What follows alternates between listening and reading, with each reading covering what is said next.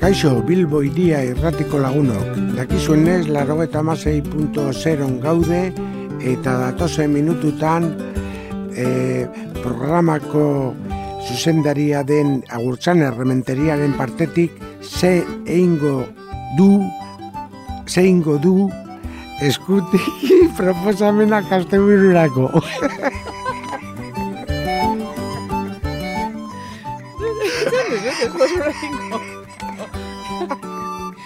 Nire partetik, nire partetik zer. Nire partetik zer.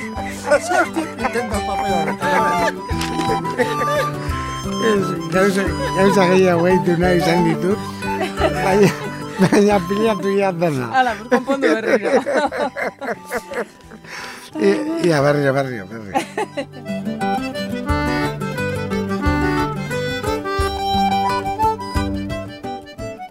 Kaixo, asteburuan sartzeke gaude ongi etorriak Bilbo iria irrati honetara zuen asteburuko proposamen bereziak emango dituen saio honetara.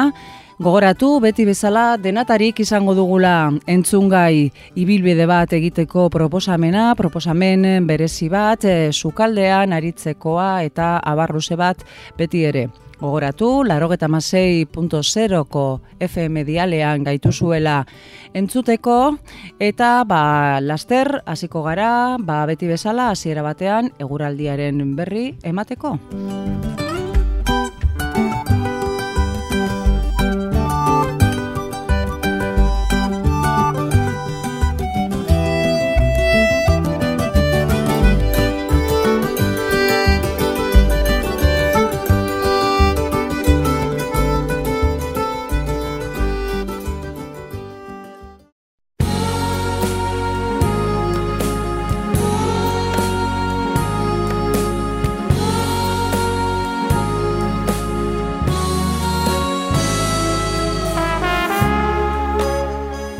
Ezertan hasi baino lehen, komenigarria izango da asteburu honetan zer eguraldi egingo duen jakitea horrek batzutan baldintzatzen bai digu ara edo ona joatea eta horretarako hemen daukagu Leire, Leire Marika.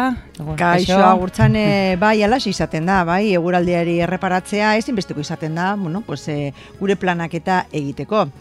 Eta eguraldia dela eta zer esan asteburunetarako? Ba, odeitza aldako ribiliko dela. Odei multzoak ugariagoak eta trinkoagoak izango dira arratzalde partean. Baliteke eguerditik aurrera, era sakabanatuan e, zaparrada batzuk ere botatzea eta punturen batean trumoiak ere jotzea. Ego ekialdeko haizea ibiliko denarren, ostiralean baino ahulago ibiliko da. Kostaldean temperaturak zertxo bait galduko du eta gainerako lekuetan mantendu egingo dira. Horrek suposatzen du kostaldean maksimoak hogeta iru hogeta lau bat gradutan ibiliko direla, barne aldean hogeita bat gradutan. Eta minimoei erreparatuz, ba, kostaldean amabi amalau bat gradu eta barrualdean amar amabi bat gradu.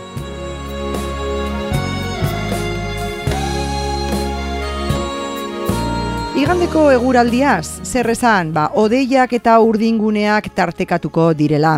Ego haizea ibiliko da, bezperan bezala, temperaturak, bueno, ba, altuxagoik zertxo bat jaitziko dira, askorik ez, gradu bat edo bi, besterik ez. Beraz, kostaldean, e, hogei, hogeita bat gradutan geldituko dira, eta barnealdean amasei, amabos gradutan. Minimoei erreparatuz, amabi, amairu gradu kostaldean, eta amar, amaika barnealdean. Odeitza hegoaldetik sartuko denez, ba ez egon kortasuna hortik ibiliko da. Bai, egun osoan izan daiteke ekaitz arriskua ere ezin dugu ahaztu. Itxasoaz hitz eginez, hego ekialdeko haizea ibiliko da lauko indarrarekin. Itxaso kiskurra eragingo du eta ipar mendebaldeko itxasoak bat koma eta erdiko edo erdi inguruko olatuak altzatuko ditu. Eguraldi ona paseatzeko, ibiltzeko, surf egiteko, txarra, arrantzatzeko, ona.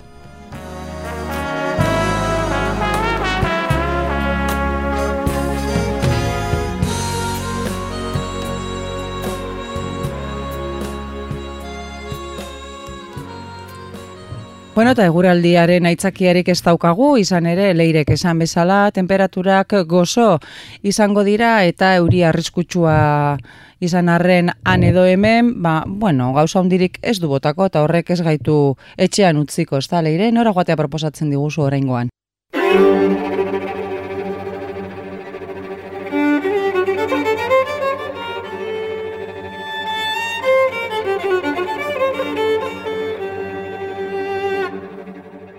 Bueno, ba, orain gane dele erreparatu barek, eh, erreparatuko diogu jaigune bati, bai, e, oso famatuak diren jai batzuk izango dira asteburu honetan, urduña aldera joango gara, 8 maioz ospatzera, baina gu, bueno, parrandan ibiltza esa parte, bueno, pues handi bertatik ibilalditxo bat egiteko ere aprobetsatuko dugu. Zer iruditzen zaizu? Erto. Bueno, ba, a ber, e, lehengo kokatzeko. E, urduña deno daukagu hor mapan eh, non dagoen, eta bertara heltzeko ba, bilbotik e, bi modu dauzkagu. Autoz, eta bestea, ba, ekologikoagoa edo, renfe, trena hartuta. E, bata zein besteak, eramango gaitu, ba, berrogei bat minututan edo, bertaraino. Eta han, behin herrian, e, edo herrira helduta, e, ba, hasiera emango diogu non ba Urduñako antiguako santutegian. Ez Urduñako eh, Ama Virginaren han goian dagoen monumentu horretan, eh? ez, herrian dagoen santutegi batean. Ara joateko, ba, edo Belandia herriko herrira joateko bideari jarraitu, edo bestela gaztedia terpetxe bat dago bertan, oso zaguna dena, eta horri jarraituz, ba, dudarik ez dago eta galtzerik bez dago. Santutegiaren aurrean, e, badago aparkaleku bat bonan ondoan, kotxe eraman eskero antxe, eta trenez joan eskero, pues oso hurbil dago. Az gaitezen ba, hortik aurrera. Santutegiaren aurrean dagoen errepideko lehen biurgunean, zuzen jarraituko dugu porlan bidetik. Hala, ba, gorantz egingo dugu langa bateraino. Erkametzen babesean hasieran eta pagadian barre, barrena gero, zigizaga egiten jarraituko dugu, pista nagusitik aldendu barik. Harik eta pista ondoko argindar abe batera iristen garen arte.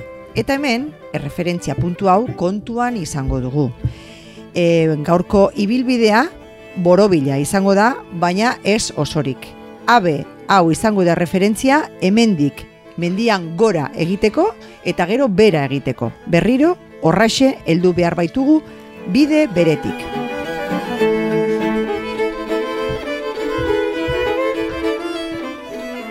Beraz, aintzat hartzeko referentzi puntua horixe da. Txarlaso tontorretik bertaraino jaitsiko gara, ibilbide horretatik jarraitzeko. Edo zelan ere, goldetxo deitzen den iturriko atzeden lekura helduko gara pistan barrena gorantz ekin eta gero. Iturritik gora, bideak itxura zaharra du, eta sorionez, behialako trasaduraz gozatzeko aukera emango digu. Bidezka, ederra da, eta atakarainoko desnibelaz ahaztu egingo gara une batez bada ere. Goldetxoko ataka edo mendatea polita ederra da oso, aitzarte baten itxura baitu bide osoak. Gainaldeko pasabide estutik irtetean, ezkerrera jo eta txarlaso tontorreko porlanesko monumento erraldoraino iritsiko gara.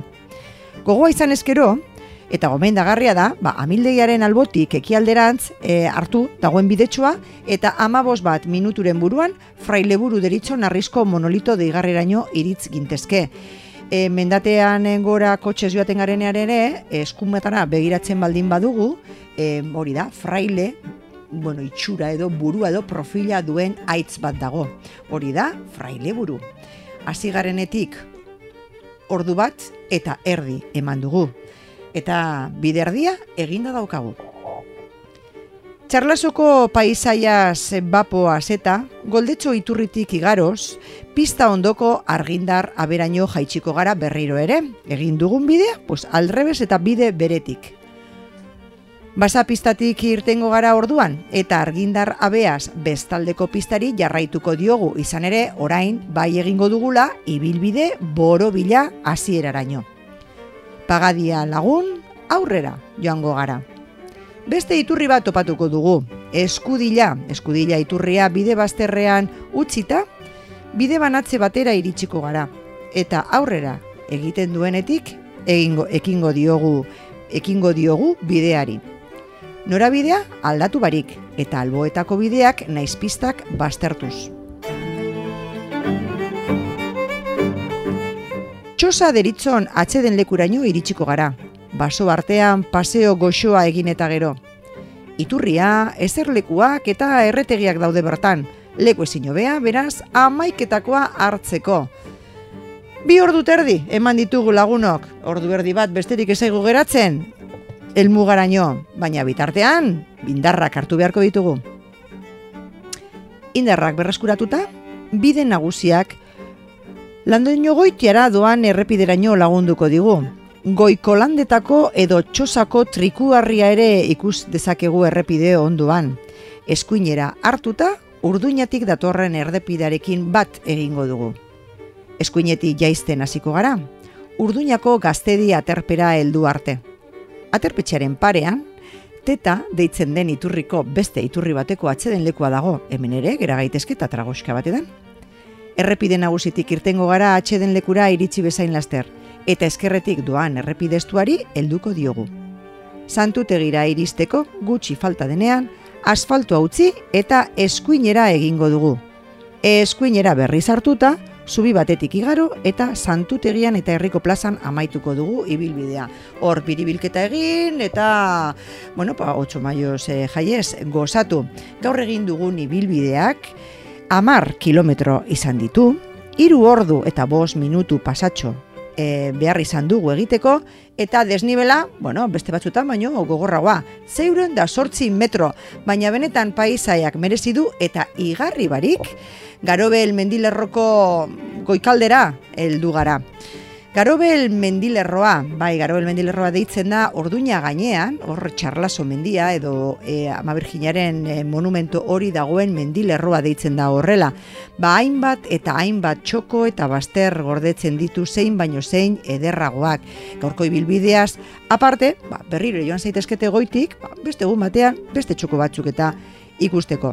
Eta bertan gertatzen den fenomeno meteorologiko edo bati e, aipatuko dut. Mendurre, mendilerroko goiko partean, ba, noizbeinka gertatzen da, e, ba, egoaldetik egoaizea, eta orain ere egoaizea egongo denez horregaitik esango dut, e, odeitza etortzen denean, harrapatuta gelditzen da goiko aitzetan, Eta esan bezala, ba, bueno, ba, fronte horrek, malkarretarako bidea hartzen duenean, urduñako temperatura beroarekin egiten du topo, hau da, betik datorren temperaturarekin egiten du toko, topo, eta odei multzoa, ba, iparraldeko goiko partean hor urduñako goiko aldean, gelditzen da, antxe, mugitu ezinik, eta horri, deitzen zaio, bollo edo opil efektua e, kurioso izaten da, zegoia egon eskero, belainoak harrapatzen du dena, eta ez dago ezer ikusterik. Eta beko aldetik ikusten da, txapela, bueno, ba, beste bendi batzutan ere gertatzen den antzerara, bai, hanboton e, bai izaten dugu txapela, eta hor, bollo edo opila izaten dugu.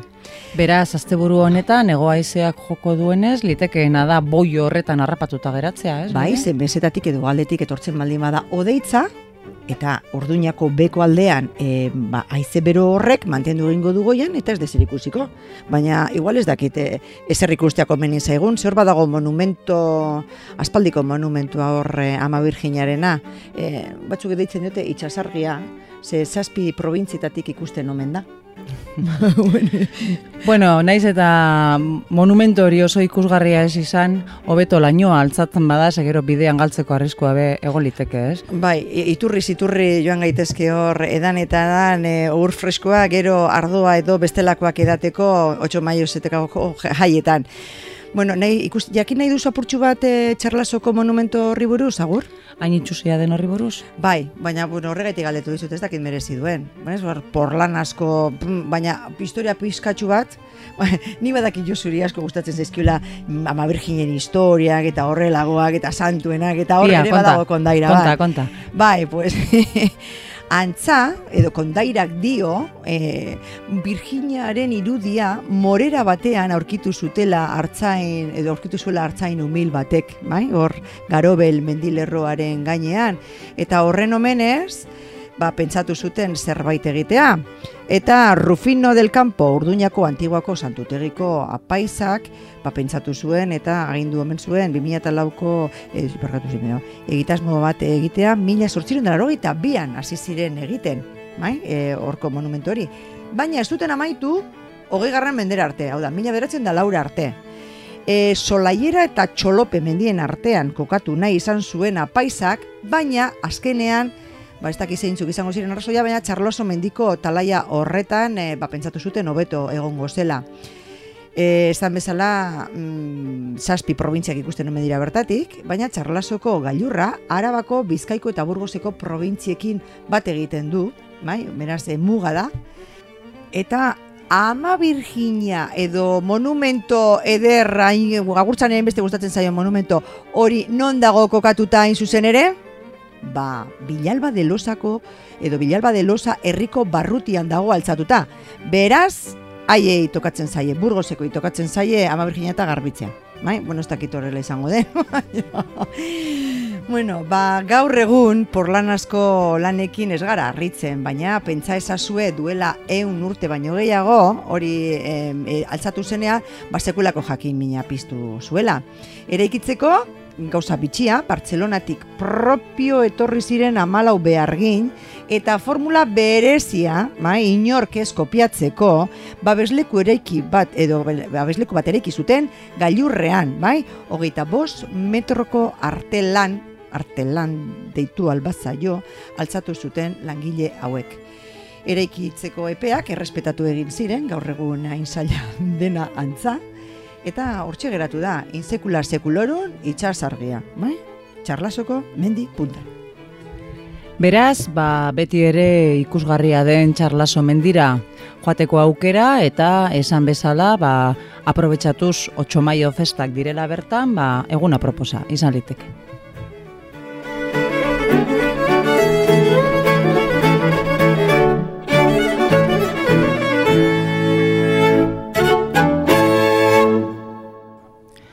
Bueno, ba, behin e, azte buru honetarako txango proposamena kontatuta, beti bezala sukaldeari tartea egiteko unea iritsi zaigu, eta ba, aspalditxoko partez, ba, berriro be, Xabi etorri zaigu, Xabi Ugalde, sukaldean aritzeko errezeta proposamenarekin, hau pa, Xabi? Haupa, zelan, Zer? espaldiko. Ederto, zeude bai? Ondo, pasain astean badakizue nola piper egin genuen, bai urkok eta bai neuk. Baina bueno, gaurkoan hori konpentsatze aldera, ekarri dugun errezeta, bueno, nik uste dut errezeta hasiera batean igual izenak beldurra, eman dizazueke, baina bueno, gero entzun eta gero nolako den errezeta, nik uste dut animatuko zaretela errezeta hau prestatzera. Zein da ba, errezeta? Beitu, izenak bizka beldurra ematen dut, nik horregatik apuntatuta karri dut ondo esateko, Eta errezetaren izena da, zain zuri gainerreak, pikillo piper eta egaluzearekin. Bueno, garbi geratzen da oraingoan, ba, zainzuri garaian gaudela, ze aurrekoan be zainzurien inguruan ibili ginen, baina bestera batera prestatuta oraingoan. Bai, e, urkoke aipatu du, bueno, garaiko produktu bat dela, eta bueno, gero prestatzeko ere ez duela behar horrelako gauza handiegirik, bai? Eta, bueno, ikusiko duzu, eh? Nire harrituta geratu naiz, urkok aurkeztu didanean errezeta, ze hasiera batean pentsatu dut oso errezeta saia izango zela. Hau da, zainzuri, gratinatua, pikio, piper eta galuzarekin guzti hori nola, nola prestatuko dugu. Eta, bueno, entzungo dugun bezala, e, bueno, grabaketan oso, oso modu erresa da, eta nik ustut oso gozo gongo dela. Ia, entzun da egun ba.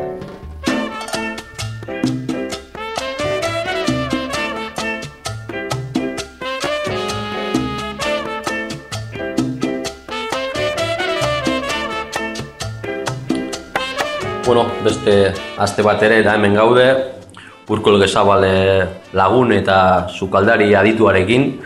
Pasain astean piper egin genuen, oso lanpetuta ebile eginen, eta bueno, ez dakit, gaurkoan eh, piperrekin erlazionatutako zerbait egingo dugun, baina, bueno, ea zer kontatzen digune lagunak. Ah, pi, eguno, sabi, ba, bai, sartuko dugu piperrak. Sartuko dugu, bale, bale. Bai, bai. Ondo, ondo, zer da orduan gaurkoa? Egingo dugu, zainzuri eta pikio piperrak gratinatuak. Oho, zainzuriak eta piperrak oso, no? Egaluzearekin. Egaluzearekin. Hori da. Mhm. Eta horretarako erabiliko dugu e, saltza egiteko e, iru arrautz, Aha. e, iruko erakada maonesa, Bai? parpe- parmesano gazta, eta limoi raiadura. Hori saltza egiteko, Hori eh? saltza egiteko.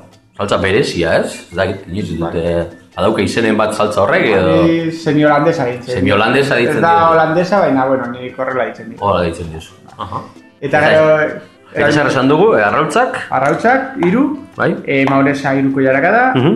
e, parmesano gazta, Eta zenbat, gazta zenbat botako genuke? gazta da gero gratinatzeko goitik, Ah, así gero que- gratinatzeko da. pizka bat. Apurtxo, Eta- vale. Eta gero erabiliko dugu e, zentsuriak, Mhm. lata bat, Bai, eta, bueno, segun zenbat jende, baina, bai, kopuruaren arabera, ez? baina hau egingo dugu lata bat, eta pikillo piper lata bat, eta egaluzea, ba, erabili aldugu, e, hiru lata txiki, hiru Mhm. lata txiki, eta gero tomate salsa pizko bat. Osea, egalduza izango litzateke latetan daukaguna Latetan, erabiliko genuke. Ah, no? Erraza ikusten du, momentuz Bai, bai. ez, diot, bintzat Bai, edozi momentutan egin alizateko, ez? Eta etxean, momentu batean. Vale, Osa, a ver. Ba, orduan, jarriko dugu e, zainzuriak e, labako bandeja batetan. Bai, Horretarako piztuko dugu laba berrenda berrota marra dutan. vale. Hartzen dugu e, beko partean e, zainzuriak. Mhm. Jartzen diogu bikillo piperrak, Gainean. irekita, bai, gainetik. Aha, Osa, egingo dugu e, lasaina bat antzekoa. vale. Zainzuriak, piper gorriak, Vale, horrela kapa batzuk bezala, geruzak eh, edukiko balitu bezala. hori da. Vale. Eta gero e, galuzea, e, tomate saltzarekin naztuko dugu, eta piper gainea, piper gorrien gainean. Botako dugu. Gero berriro, berriro zain zuriak, piper gorriak, Mhm. eta, eta listo. Vale, gauza bat. Eh, egaluzeari eh, hor olioa izaten du, hori komenigarria da kentzea, ez? Kentzen diogu, bai, Vale, kentzen diogu vale. olioa eta nazten dugu tomatekin. Vale. Orduan jartzen dugu zain zuria, e, piper gorria, e, galuzea, eta berriro zain zuria. Egaluzea esan dugu tomatearekin nahaztuta. Hori da, Vale. nahaztuta. Vale. Eta zain zuria. Eta gero saltza, da oso horreza, da e, bol batetan arrautzak bota, e, maonesa iruko da, eta limoi gaiadura. Mhm. Hori naztu, Igu- Eskuarekin edo horrela irabiatu, bai, Irabiatu, irabiatu bai, eta hori batekin. tortilla bat egingo bagenu bezala, tortilla Hori- frantzesa hori da, Irabiatu, hori da. dena ondo naztu, eta hori jarriko diogu, e, ba, zainzuriak, zainzuri gainetik. gainetik. Osea, Azken kapa izango litzateke, Hori da, hori da gratinatuko duena, eta ba, salsaren zaporea dio. emango diona, ez? Gero e, gazta, parmesano gazta gainetik, pizka bat, Vale, osea, saltza hori eta gero gazta gainetik. gaztaina bat. Hori e, gustatuko duena, osea, beste gazta bat nahi badu jendea bota, ba, Bai, aukera dagoela eh, beste gaztaren bat botatzeko. eta oso erraza. Eta zema denbora eduki behar dugu labean? Denbora gratinatu arte. Gratinatu Beko partea kolore hartze Aha. arte.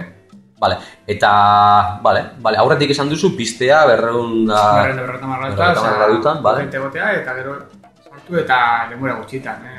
Aha. Ama minututan. Jo, ba, ikusten Bueno. dute errezeta, ez dakit, erraza, eta gozo itxura dauka, gazet, bai. Osagaiak ikusita, Bai, bai. ba, saiatuko naiz. Eh... Eta etxean ba beti daukagu zen. Normalean dago lataren ba zensuria, piperrak eta... Vale, vale. Vale, ba, jo, mila esker. Pasaien astean piperra egin genuen, eta gaur piperrak erabili ditu. Bai, bai. ba, eskerrik asko urko. Venga, horrengo arte, agur.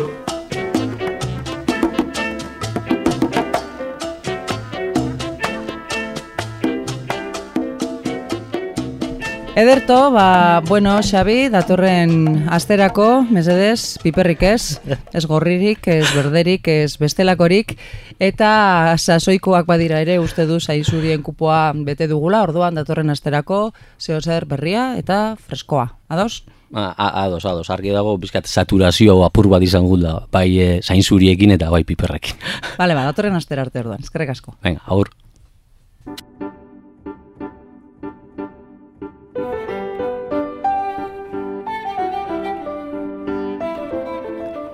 Bueno, eta aurrera joan da, oraingoan ere, e, asteburu honetan tartetxo bat eskaini nahi izan eskero irakurketari, ba, Xavier Monasteriok, azken bolada honetan, oi bezala, liburu berri baten proposamena ekarri digu. Zein liburu irakurtzea proposatzen diguzu asteburu honetan, Xavier? Kaixo lagunok, eh, beti bezala, Halako proposamen bat, liburu baten proposamena dakarkizuet e, astebururako. Nik neuk erosi dut eta gauza bera egin da zuen proposatu nahi dizuet, benetan merezi duen liburua delako. Liburu berezia oso ezberdina, besteak ez bezalakoa, bestelakoa, eh, benetan. Izan ere, irakurketa errazearen sisteman idatzitako liburua da. Zer den irakurketa erraza? Ba, mundu zabalean gero eta gehiago finkatzen ari den sistema bat, nola baiteko zailtasunak dituzten personek irakurketarako irizpidea izan desaten ba, gaizki irakurtzen dutelako, gaizki entzuten dutelako, gaizki ikusten dutelako, eta beste arrazoi asko direlata, ba, jende asko nekez iristen da irakurri izatera. Eta sistema honek, euskera e, irakurketa erraza barkatu, irakurketa erraza deritzen sistema honek, ba, elbideak, baliabideak eskaintzen dizkio jendeari. Nola egiten duten? Ba oso esaldi solteak dira, lerro bakoitzean esaldi bat baino ez da agertzen eta esaldi horretan ideia bakarra agertzen da beraz, menpeko esaldirik ere egon liteke, baina oso errazak eta oso berehala ulertzeko modukoak, eta kontakizuna beti ere, nolabait, e, linealki segitzen da, ez dago saltorik, ez dago plano aldaketarik, eta edo zeinek segitzeko modukoa. Hain da erraza, ze bat ere ezintasunik eta arazorik ez daukogunoi ere, ba, benetan gustagarri gertatzen zaizkigu alako liburuak. Eta orain zorionean, Euskaraz ere hasi dira alako liburuak egiten, irakurketa errazeko liburuak, eta hemendik zorionak gaumin argitaletxeari alako lana egiten asteagatik. Eta bere bildumaren barruan, irakurketa errazeko bildumaren barruan, ba, onintze goitizek, idazle gazteak egindako liburua, e, e, argitaratu dute, amaia udalekuetan du izena liburuak, eta esango dizuete zeri buruzkoa den. Eta irakurriko dut liburuan eginda dagoen bezala, eta horrela ulertuko duzue zer den irakurketa erraza. Ikas, ikasturte bukaera da, amaia eta bere lagunak udalekuetara joateko irrikan daude. Baina gurasoek ez diote baimenik eman amaiari. Jaiotzez gorra da eta gehiegi babesten dute. Akampada ordea mundiala izango da eta amaia eskutuan joateko moldatuko da. Halaxe, hori da pixka bat nola baita liburaren sinopsia, eta orain aurkezpena egingo dizuegu idazlearen noski onintze goitiz da, bera, Euskal Filologian lizentziatua eta antzerkita arte estenikoen ikasketak egindako ere bada. Euskararen irakaskuntza eta ipuin kontak eta ustartzen ditu, eta 2008 garren udaberritik eta ona, Euskaraz gauzatzen diren jakurketa errazeko kluben dinamizatzaileare badugu onintze. Eta barruko horri alde bat irakurriko dut, ondo iruditzen bazaizue, liburuaren tonuari errepara diezaio zuen. Honela, azten, azten da liburua. Ni nor naizen. Ni amaia naiz. Amabi urte egin berri ditut niri ilea kirruz beterik dago, eta gainera beltz-beltza eta luzea da. Ile, bel, ile, ilea biltzeko beti daramat lore eder bat. Galdera zailak egitea atsegin dut, erantzun xelebreak jasotzen ditu dalako. Ikasturtea bukatu da, udako oporrak amaitzerakoan institutuan hasiko gara, DBH bat maila gelan sartuko gara. Horrek beldurapur bat ematen dit, lagun berriak eta irakasle berriak egongo direlako. Gainera ez naiz itxasorekin egongo gelan, txikitatik elkarrekin egon gara, oso ondo ulertzen dugu elkar.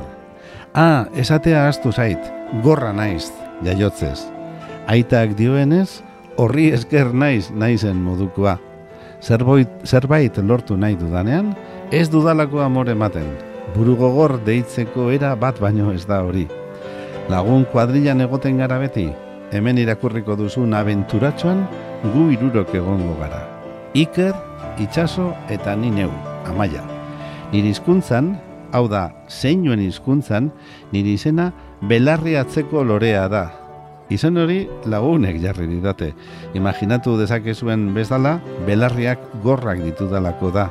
Eta lorearekin alde guztietara noanez, bien arteko txantxa da ba, horixe da, amaia udalekuetan, onintze goitizek idatzi duena, eta e, irakurketa errazeko sisteman, gaumin etxeak atera duena. Hau da, gure proposamena azte honetarako.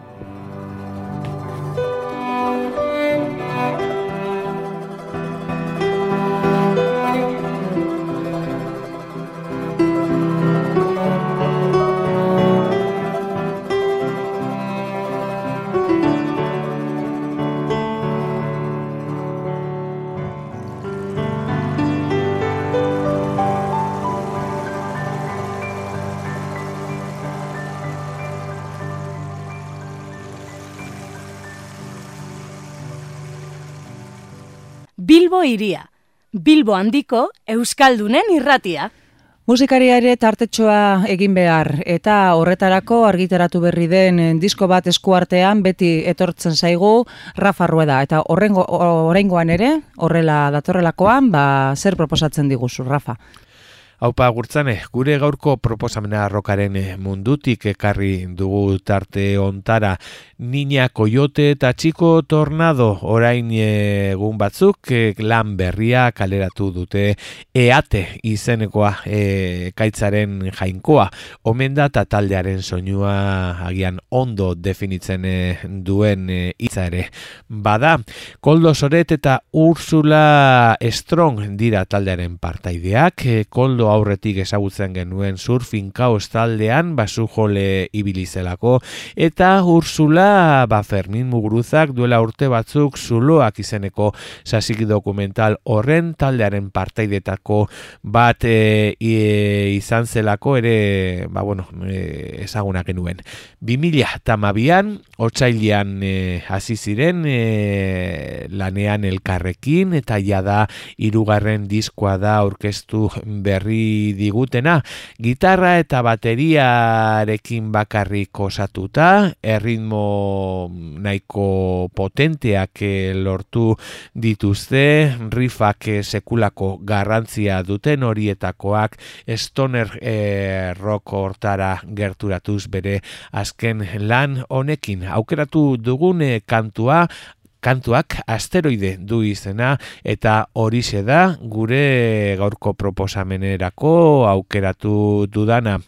Asteburu hontan behar bada ba aukera izango duzuen un baitetik e, talde honen kontzertua ikusteko. Entzun kantua eta gustokoa baduzue ba gerturatu zaitezke. Asteroide, Niña Coyote eta Chico Torrado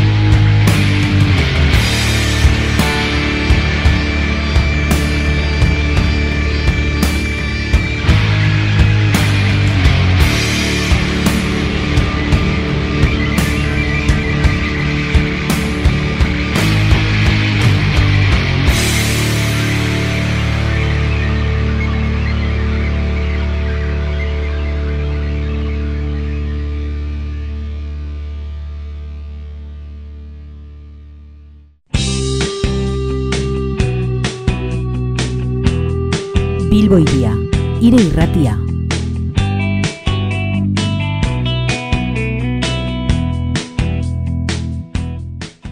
Bueno, eta iritsi gara proposamen berriaren tartera eta askotan gertatu ohi zaigun bezala, ba, zalantzatan ibili gara, gauzatxo bat baino gehiago aurkitu baititugu asteburu honetarako, aurretik aipatu dugu, ba, orduña inguru horretara hurbildu eskero, 8 maioetan murgilduta egongo direla asteburu honetan, eta seguraski giro aparta aurkituko duzue, baina ezin alde batera utzi, eta horregatik erabaki dugu proposamen berezian, hau aukeratzea, ba, herri urrats izango dela asteburu honetan, igandean, maiatzak sortzi igandean, izango delako aurtengo herri urratseko zita. Gogoratu herri urratzekoa izaten dela ikastolen aldeko festa andanari hasiera ematen dion lehenengo zita eta aurten ere horrela izango da maiatzaren lehen amabostaldian kokatu hoi da eta oraingoan datorren igandean maiatzak sortzian egokitu zaigu. Zehaskak urtero antolatzen duen eh, festa dugu e, herri urratsekoa, zenpereko aintziraren inguruan ospatzen dena, berezitasun moduan gogoratu beste ikastola, beste probintzietako ikastola elkarteek txandakatuta le, kokapen desberdinetan egiten dutela, baina iparraldekoa ba, berezia izan noi da eta zenperen inguruan lapurdin kokatzen dute urtero. Urteak daramatzate antolatzen, gogoratu mila bederatzireun da laro eta lairu lauan izan zela lehen biziko edizioa eta ordutik ba, urtero urtero txintxo txintxo antolatu izan dute zenpere inguruko herri urrats festa hau. Badirudi aurtengoan, ba, erkargo berriaren arira itxaropen izpitsu bat piztu dela, baina hala ere bereziki iparraldean eta euskerak ba, arnaz e, pizka bat beharko luke guztien arnasa eta ikastolen egoera ba, momentuz nahiko larriari laguntzatxo bat emateko aukera ematen digu guztioi horra hor beraz ba, bertaratzearen garrantzia. Festa giroan eta ondo pasatzeko eguna bada ere ba, aldarria eta laguntza dakartza lotuta ba, alabearrez.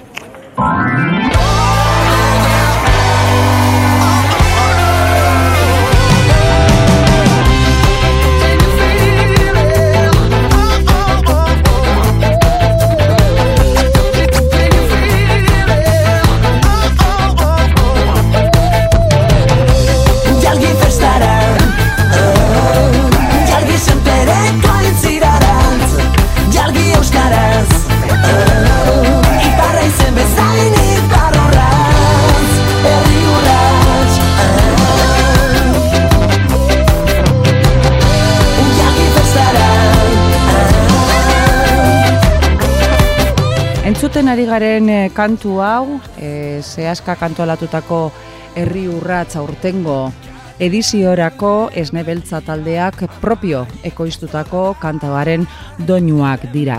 Jalgi du izena eta egun osoan zehar sarri entzuteko aukera izango duzue, izan ere esnebeltza taldea ere bertan egongo baita. Jalgi euskaraz, jalgi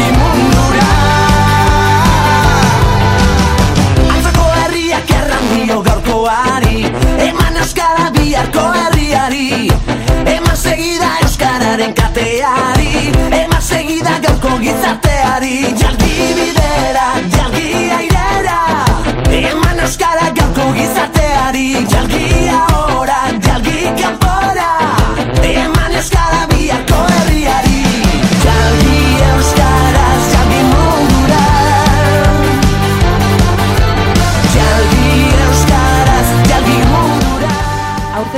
herri urratz ekitaldian ateratako arnasa eta batez ere esosak ba, Baionako Liceo berrira bideratuko dira, ze bertan best, bosteun ikasle ari dira ba, bere ikasketak euskeraz egiteko aleginean.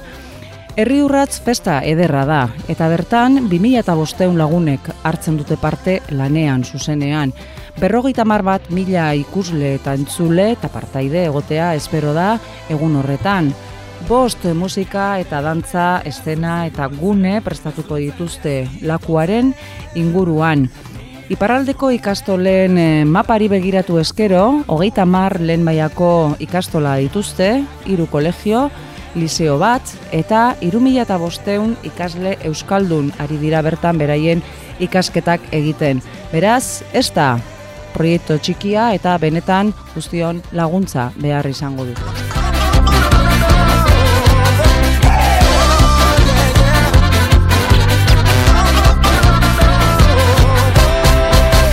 Jalgi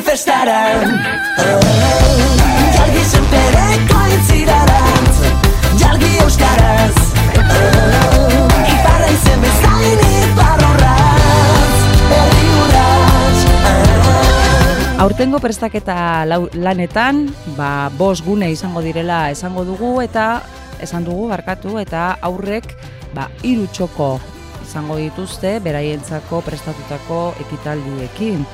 Koskorragoek berriz, ba, tirolina eta abentura ibilbidea egiteko aukera izango dute ibilbidean zehar, eta be- besteak beste, Nafarroako gunean bereziki kontzertuak izango ditugu egunean zehar, eta araba gunean, ba, herri urratz kantuz ekimena izango dugu adibidez, goizeko amaiketatik aurrera.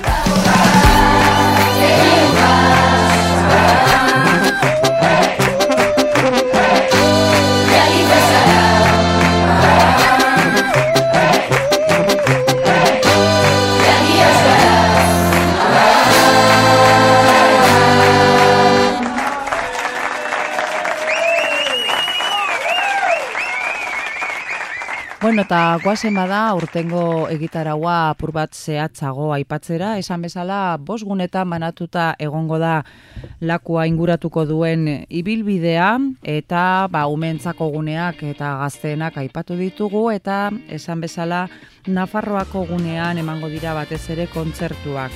Adibidez, eguerdiko amabiterdietan hurbildu ezkero, xutik taldea bertan izango dugu. Mizel, Hortxi, Amaiur, Balatz, Peio eta Patxik osaturiko taldea. Mm, Berezitasuna, ba, ameka begira da disko berriaren aurkezpena egingo dutela herri urratzen bertan zuzenean. Bere usaiko rock indartzua, munduko bazter guztietako soinu eta musika giroekin ostartzen du talde honek. E, rigia, funk soinuak eta roka izango dira presente baita ere bere abestietan. Sorkuntza, aberatza egiten dutelarik e, zalantzarik gabe denak xutik eta dantzan jarriko gaituzte. Xutik eh, guardian esan dugu eta arratzaldeko iruterdietan eta Nafarroako gunean dubiosa kolektif. Bueno, ba, hau e, bosniar kolektibo bat da, e, musika balkanikoan ahazten du, elektro, hip-hop, rock, eska eta metalarekin. E, haien helburua ba, zapalkuntza eta zapaltzaileak salatzea, eta egon zaiteztea di, ze eskenatokia zartagailu bilakaraziko mendute. Arabako gunera pasatuz eta arratsaldeko hiru terdietan, arratsalde guardi, segun eta bakoitzaren ritmoa, izan liteke bokata jan osteko tarte horretan, bizio taldea izango dugu. E, jo, odei eta gorkak osatzen du talde hau. 2000 eta bederatzean eh, elkartu eta hitzak musikaz jazten hasi ziren eh, hiru mutiko hauek eta hola piztu zen musika talde bat eh, sortzeko asmoa. Rapa eta euskera ustartzeko gogoak elkartu zituela diote, sentitu, salatu, bizi eta maite dutenaren emaitza omen da talde hau. 2015 urteko irailean e, ikusi du argia taldearen iraupu luzeko bigarren diskoak bideak izenpean eta zuzenean esan bezala aukera izango dugu ara bagunean arratsaldeko eguerdiko hiru terdietan. Eta arabatik, ba, lapur dira egingo dugu salto, eta bertan e, arratzaldeko iluretan jurgi ekiza izango dugu. Jurgi ekizak, bera bere bakarlari lana aurkeztu berri du, bide utzekin, e, gogoratu Willis Drummond taldekoa eta taldekidea zela, Mm, bere lana ba, lan intimo, pertsonal eta iluna bezala e, adirazi edo e, kalifikatu dute adituek. Bere tekstoak e, bost sentikor batekin kantatzen ditu, zuzenean, bakarrik bere gitarrarekin bestituz. Urte hasiera ontako sorpresa ona, bai, deliberatu duena publikoarekin, partekatzea hori izango dugu, lapurdi, gunean, arratzaldeko, iruretan. Eta beste amaika geratu zaizkigu aipatu gabe, baina jakin beti bezala ba oso argitaratuta eta webmunean bertan ere zehatz mehatz ikusteko eta kontsultatzeko aukera izango duzuela. Beti bezala, ibilbide osoa, ondo hornituta, aurkituko dugu, zer jan, edan, eta musika eta alaitasunaz egun osoz. Hori bai, gogoratu beti ere, ba, horrelakoetara eta senperera ba, ari, are gehiago, ba, garraio publikoan joatea komeni dela, bueno, publikoan gutxienez, ba, han eta hemen, antolatzen diren autobus hoietan, ze bestela bakoitza bere kotxean joan eskero, ba, azkenean, arazoetarako baino ez da izaten. Bilatu informazioa, auzo inguruko ikastola eta elkarteetan, seguraski autobusen bat antolatuko dute eta. Hori seguru, mai beti antolatzen dira ikastola e, elkarte guztietan e, autobusak eta ba, hori, jo hurbilen daukagunera eta bidaia ona izan, ondo pasatu eta goza ezazue.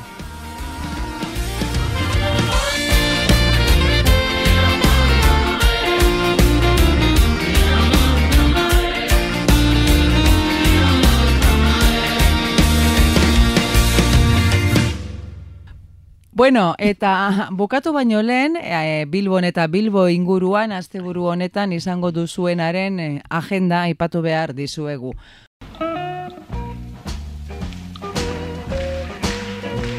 Larun bateko egitarauari hasiera emateko eta aurretik ostiralean ere aipatu dugun aur jarduera berriro izango dugu larun batez aldezarreko hogeita bat garren aurretak gazte jardunaldiak izango dira arratsaldeko e, barkatu, amaik, goizeko amaiketan eta arratsaldeko sortzi terdietan, birritan izango dugu aukera. Bueno, eta kontzertutara pasatuta, txosaz e, taldea izango dugu gaueko amaikaterdietan eta amabiterdietan, Mariaren bihotzeko plazan, zareanen. Arratsaldeko edo iluntzeko bederatziretan, alain Concepción Jam Session izango dugu suapen. Eta beste kontzertu bat, marmol eta aksidente taldeak eh, zazpikatu gaztetxean gaueko bederatzietan. Gaztetxeekin jarraituz, MCD, Los Escapaos izango ditugu, zorrotzako gaztetxean bederatziretan. Eta Kremlin aretoan, de McGrowies, eguerdiko ordubietan edo arratzaldeko ordubietan.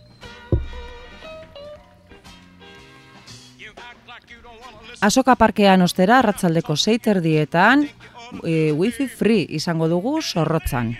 Eta ekimen horrekin jarraituz, beste antzerki bat ere ikusteko aukera izango dugu arratzaldeko bezazpiterdietan.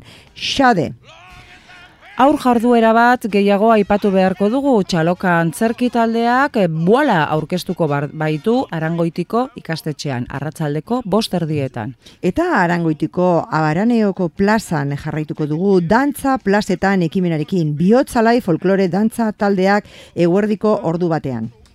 Bertsolaritzak ere badu tartea asteburu honetan udaberriko bertso saioak e, barruan Amets Arzeluz, Nerea Elustondo, Beñat Gaztelumendi eta Oiana Iguaran izango baititugu Carmelo Plazan Santutxu Neguardiko ordu batean. Eta bezpenan bezala kafe antzokian, eh, larun batean gaueko bederatzi eh, amarretan, doktor deseo taldearen ekitaldia. Sarrerak agortuta.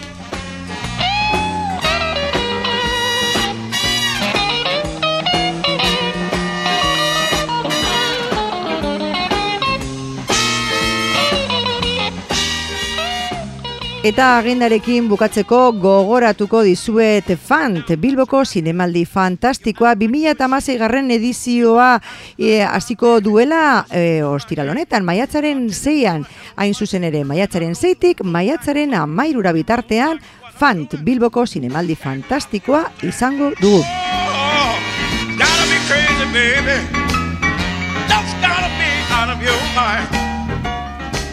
Long as I'm paying the bills, Paying the cost to be the boss.